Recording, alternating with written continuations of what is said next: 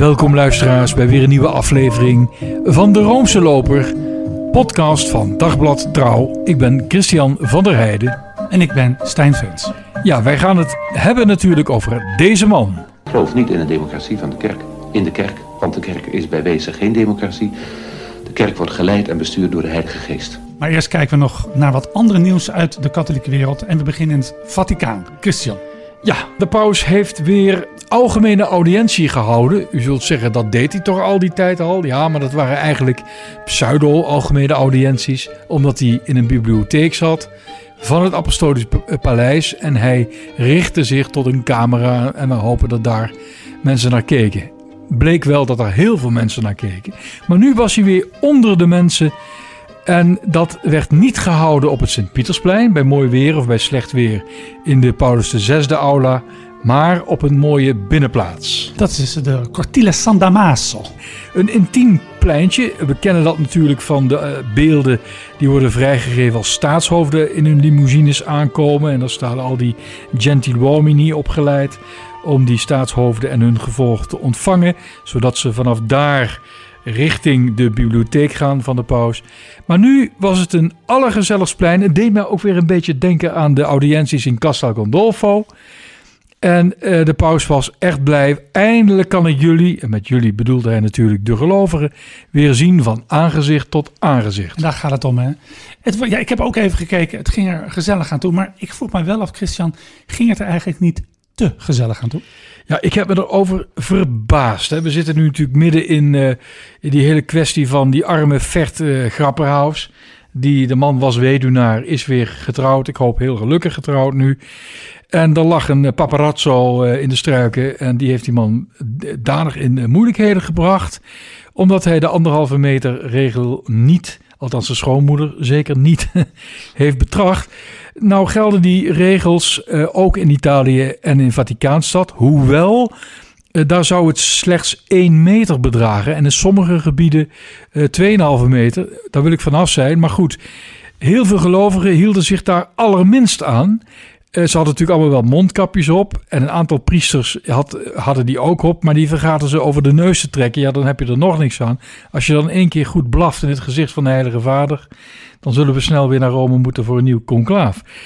In ieder geval vond ik het nogal opmerkelijk dat de paus zonder angst uh, ook mensen handjes gaf.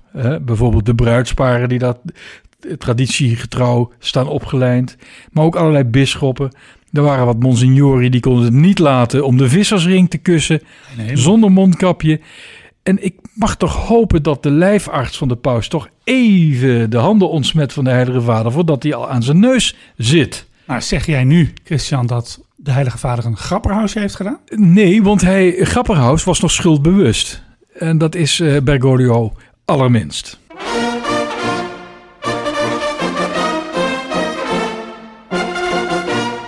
Dan is het voor de rest, en daar wou ik toch even iets over vertellen. Deze maand 150 jaar geleden dat troepen van het Verenigd Italië een bres sloegen bij de Porta Pia.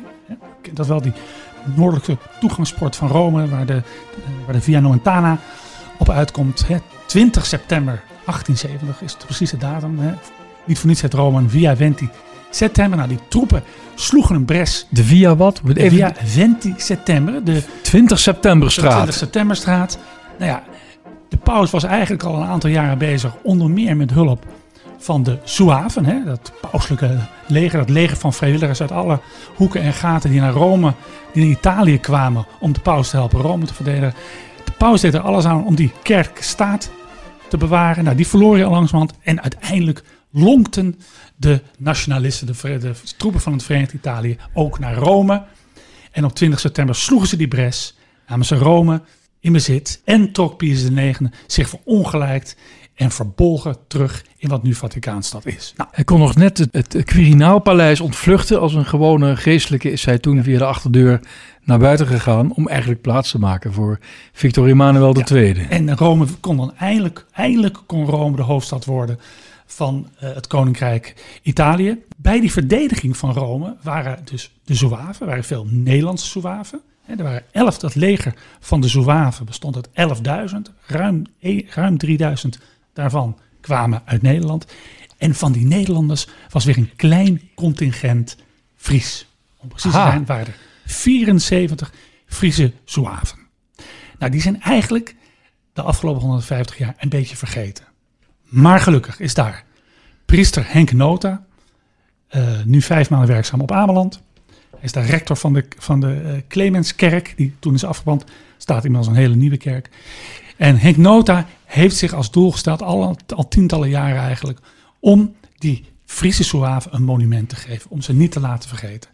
En nu is er dus precies in de maand dat het 150 jaar geleden is dat Rome verloren ging. Het boek Een Vergeten Leger, geschiedenis van de Friese Zouaven. En dat is, daarin vind je die levensbeschrij- levensbeschrijvingen van 74 Friese Zouaven. Romeganger. Romegangers. Ja. En dat is een fascinerend boek. Ja? Want wat heeft hij gedaan? Hij is dus alle archieven langs gegaan. Hij is begraafplaatsen afgestruind. Hij is eh, langs de families gegaan van de oud-Zouaven. En heeft heel veel teruggevonden. Heel veel bitprintjes. Heel veel foto's. Mhm. En zo is er nu, 150 jaar, 50 jaar na dato, eindelijk een boek over die Friese jongens. Toen die Friesen weer terugkeerden naar Nederland, zijn ze toen vervolgd omdat ze een vreemde mogendheid hebben gesteund, Nou ja, het- militair? Hè, Het was natuurlijk een heldhaftig verhaal. Hè? Vechten in het verre Italië voor de goede katholieke zaak. Maar toen ze terugkwamen waren ze eigenlijk allemaal berooid. Mhm. En inderdaad, ze waren hun Nederlanderschap kwijt. Want ze hadden dienst genomen bij de vijand. Dat werd gezien. Hè? Een vreemde krijgsdienst. Mhm, Niet Ja. de vijand moet ik zeggen, maar eigenlijk vreemde krijgsdienst. Dus ze konden niet meer bij de overheid werken. Nou Mhm. en als je naar die biografieën kijkt, dan moet je zien dat een, hele, dat een toch een flink aantal in het armenhuis zijn ge- geëindigd en onder erbarmelijke omstandigheden zijn gestorven. De katholieke gemeenschap, ja, die, die huldigde ze, maar kon ze eigenlijk niet goed helpen. En dat is wel aardig. s- Een paar, een aantal van die Zouaven kregen toch nog een klein baantje, namelijk bewaker in de kerk, hè, kerkwacht. Konden ze ook nog eens dat fijne Zouaven-uniform aan. U weet wel met die pofbroek, Ja, ja. dat te, te kleine petje. Ja, ja dat, dat uniform was overgenomen uit het Franse leger. Want Napoleon III, die, eh, de keizer, eh, die, die steunde eigenlijk eh, de, de paus in zijn aanspraak op territorium. Ja, en, maar die was ook niet helemaal betrouwbaar. Want toen Nee. in 1870 de Frans-Duitse oorlog uitbrak, trok hij zijn troepen terug uit, uit Italië. En was de weg eigenlijk vrij voor eh, het Ja. Verenigd eh, Italië, voor Victor Emmanuel II. Noem nog één keer de titel. Een vergeten leger. Friese, over de Friese Zouaven. En de auteur is Henk Nota. En het eh, boek is te bestellen bij het, moet ik even heel goed zeggen, Stichting Archief en Documentatiecentrum RK Friesland te Bolzwart. Mooi. En volgende week uitgebreid in trouw.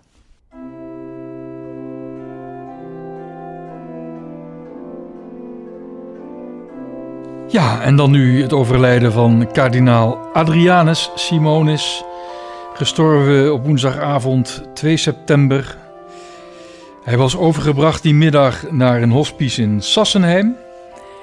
En daar is hij uiteindelijk eh, gaan hemelen, zoals dat zo mooi heet. Hij heeft de leeftijd bereikt van 88 jaar. Wat is het eerste waar je denkt als je ik nu zeg Simonis? Dan zie ik hem lopen bij dat klooster in Nieuwkuik, Marienkroon. Daar is hij gaan wonen nadat hij uit Utrecht is vertrokken. Hij heeft in 2007 afscheid genomen.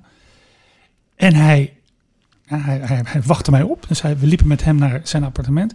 Toen pakte hij mijn arm. En toen zei hij, meneer Vens, weet u wat zo fijn is? Dat ik nooit meer hoef te vergaderen. Oh Het ja. is heel erg vermoeiend, Ja. vergaderen. Ja, Die man was zo ongelooflijk blij dat hij van die verantwoordelijkheid af was. ja. Die man heeft geleden.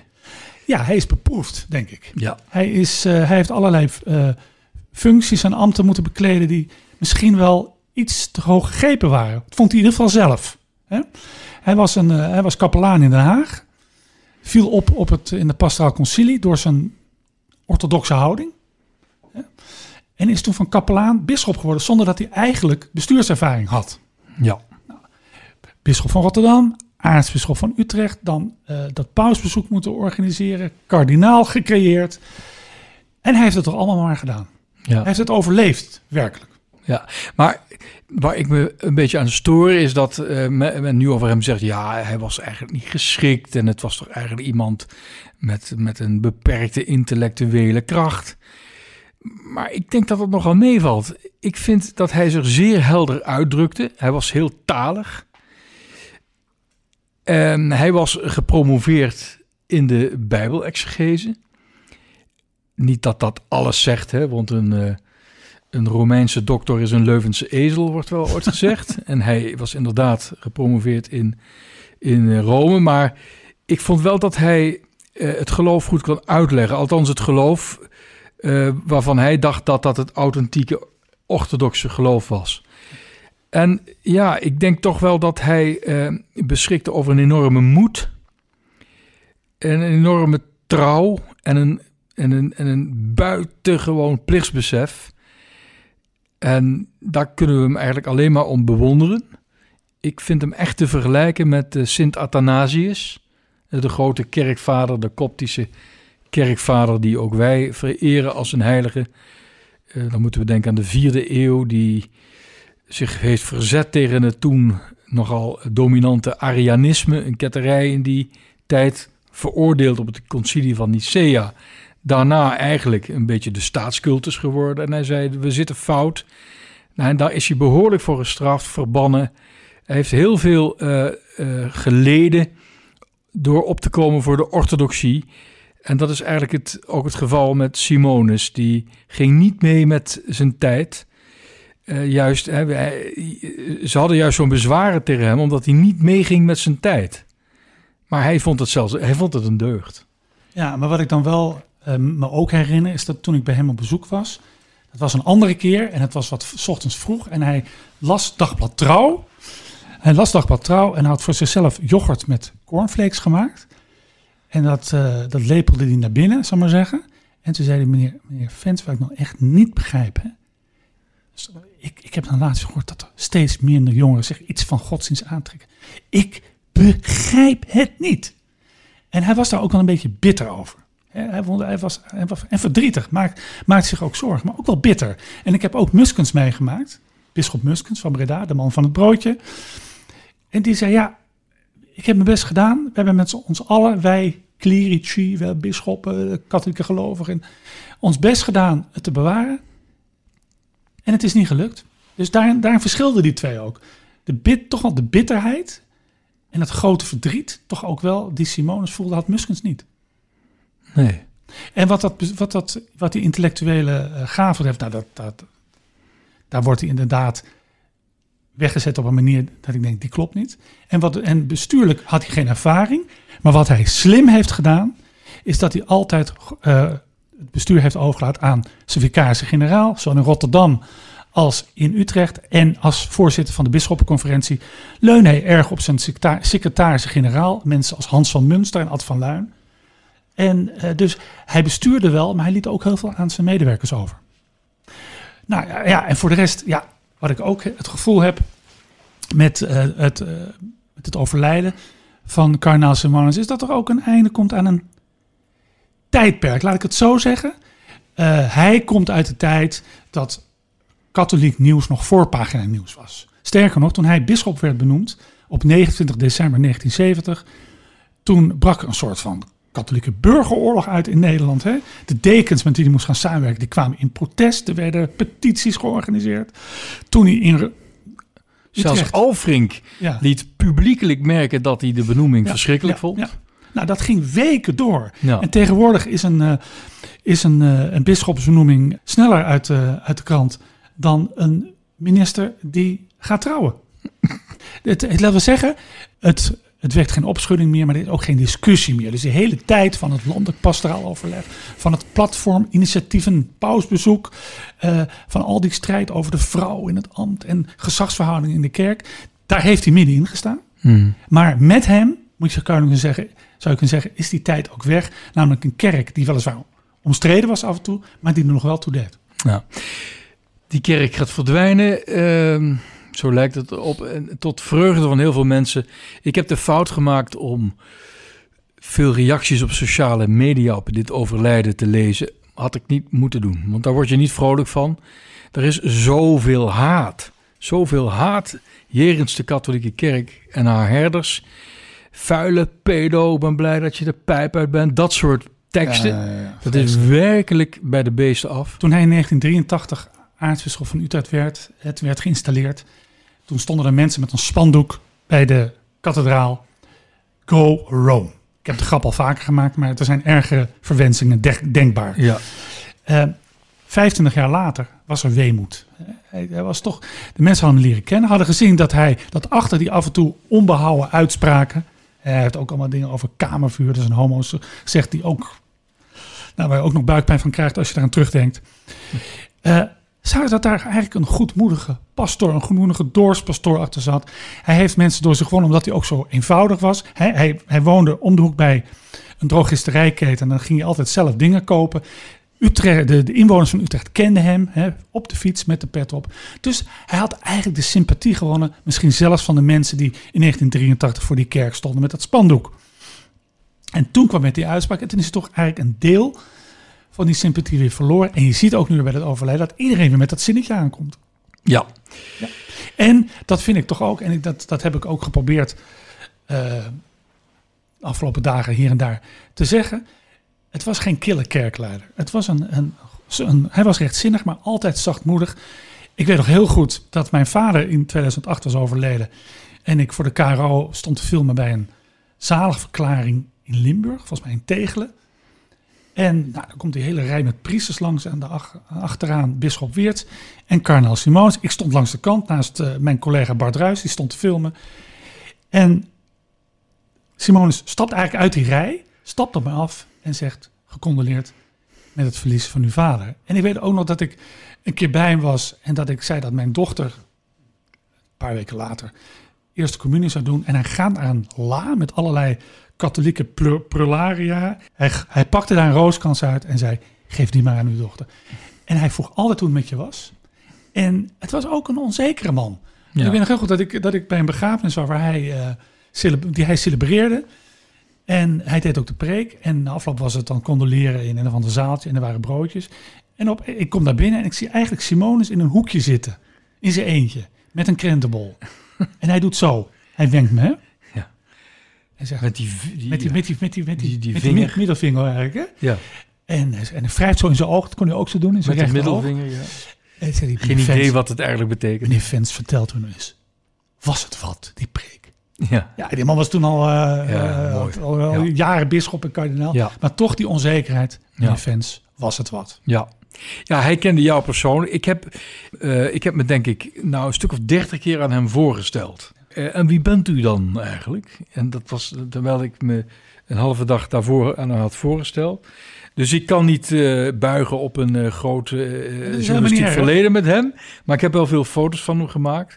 En ik was in 2008 bij de boekpresentatie van de heruitgave van dat schitterende boek van Frits van der Meer, Augustinus de Zielzorger.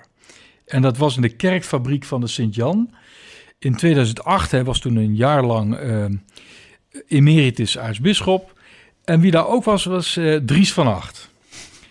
En toen kwam Dries aan het woord. Dat is altijd een, eh, iets geweldigs als je van Ja, dan Acht... krijg je eh, altijd een verbaal boeket aangereikt. ja, ja, ja, heerlijk. Wat kan die man sappig spreken. En die begint me daar toch een lofrede te houden op kardinaal Simonus. Simonus kleurde helemaal rood. Die dacht, wat krijgen we nou? En zijn moed werd geprezen, zijn trouw, maar ook dat hij de laatste jaren zoveel menselijkheid toonde. Alle lof van de kant van Dries van Acht.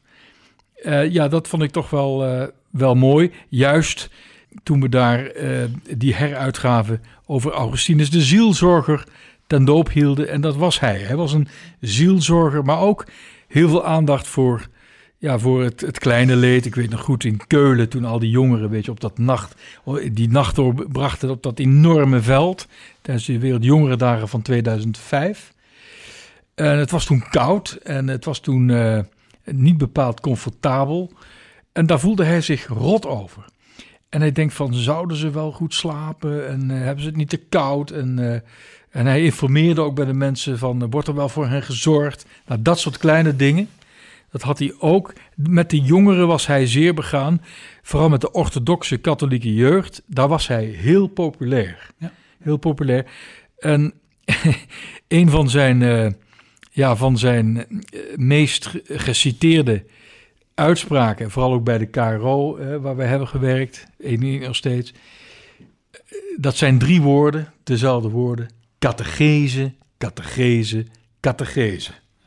Dus dat vond hij eigenlijk het ergste van de toestand van de katholieke kerk in Nederland.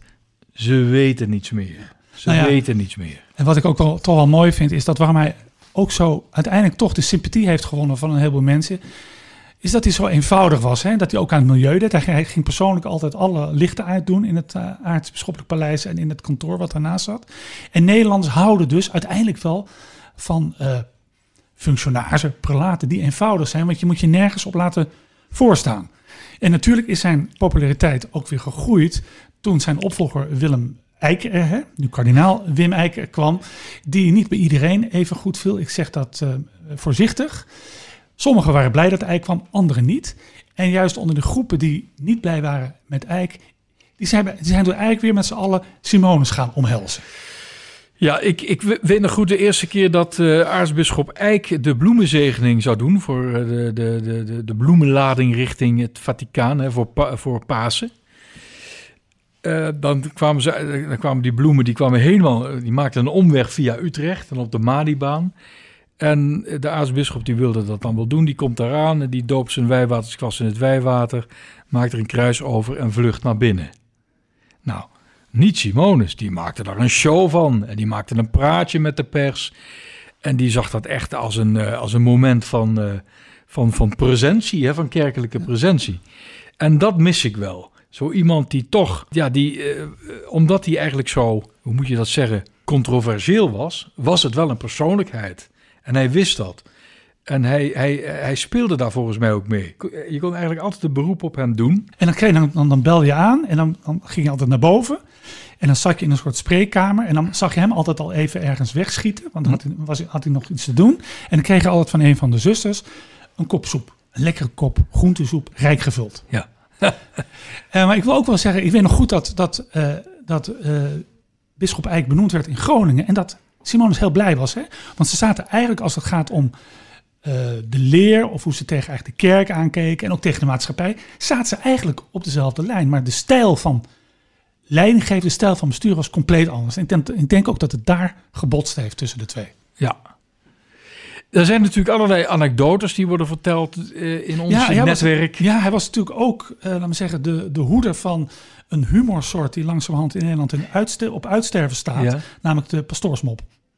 Ja, die, daar was hij vol van. Daar was hij vol van, hè? Ja. Dus de, ik hoorde hem laatst, een mop die hij volgens mij ook aan mij verteld heeft, die hoorde ik in de quiz De Slimste Mens. Uh, uit de mond van Francis van Broekhuizen, dramatisch sopraan, finalist. Jozef en Maria zijn 2000 jaar getrouwd en mogen een reisje maken van God. Nou, zegt God tegen Jozef, uh, wil je heen? Wil je misschien na, naar Nazareth, waar, om te zien hoe de houtverwerkende industrie zich heeft gehouden? Nee, zegt Jozef, heb ik geen zin in. En dan vraagt hij, Maria, wil jij misschien ergens heen? Wil je misschien naar uh, Bethlehem? Waar je zoon geboren is? Nee, die, die herders, nee, genoeg geweest. En dan zegt Maria, weet je waar ik wel eens heen zou willen? Naar Lourdes, daar ben ik daar nog nooit geweest. Ja. Dat type humor, dat gaat nu ook een beetje verloren, nu Simonus er niet meer is. Ik vond de, de, de mooiste anekdote die ik heb gelezen, die was van professor Peter Nissen van de Radboud Universiteit. Uh, toen hij decaan was van de theologische faculteit... Toen hadden ze met de hoogleraar een heidag belegd in het klooster Soeterbeek. En daarvoor hadden ze kardinaal Simonus uitgenodigd.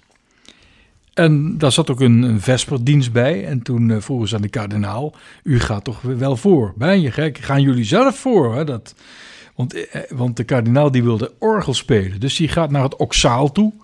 En die klimt achter dat orgel en die begint daar prachtig orgel te spelen. Maar op het einde zit er bij de vesper zit er natuurlijk een soort zegen.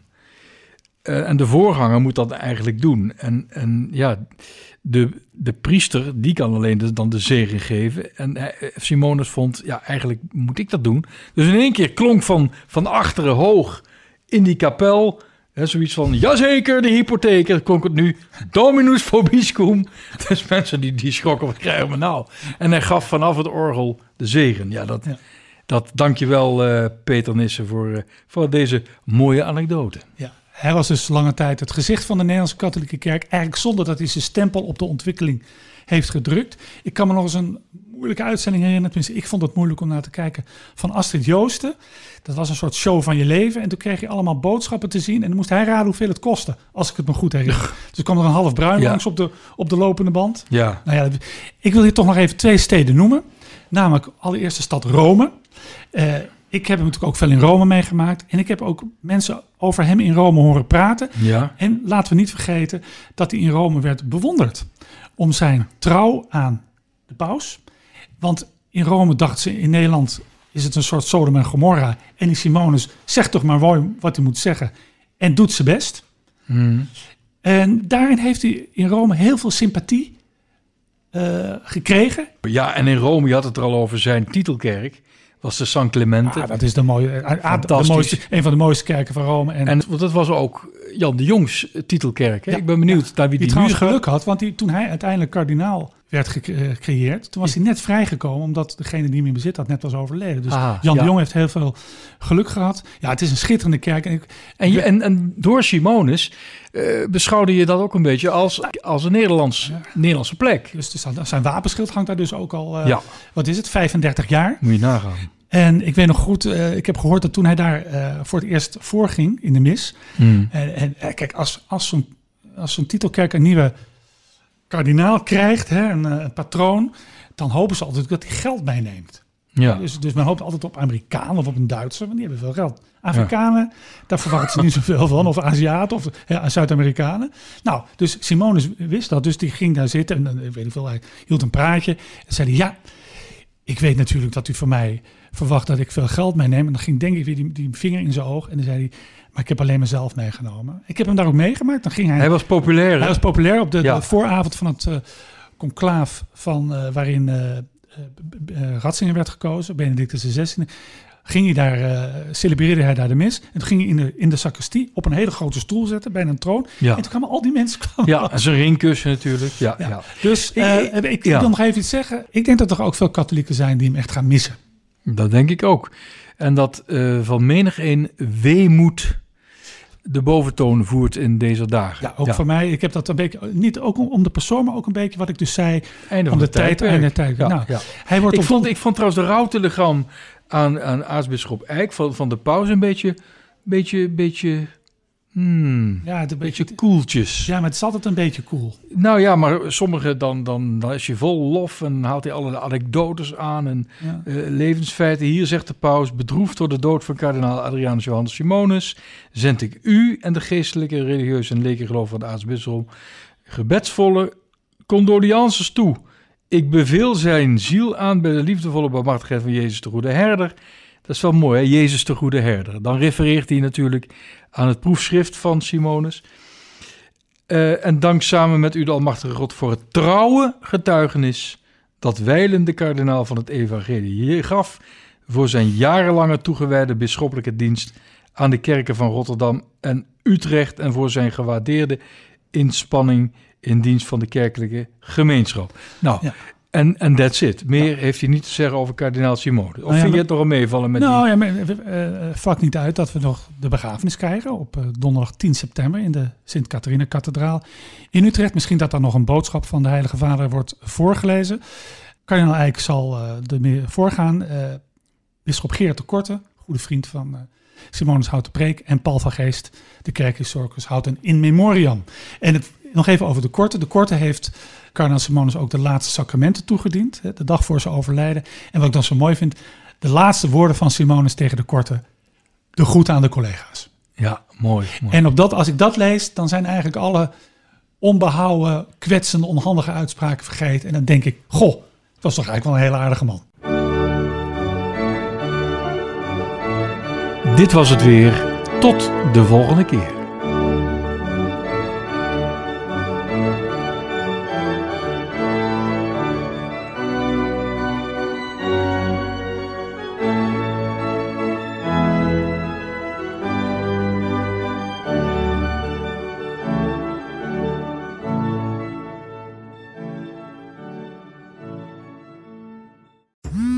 Dagelijks overladen met overbodige informatie. En het is moeilijk de zin van de onzin te scheiden. Daarom vertrouw ik op echte journalisten in plaats van meningen.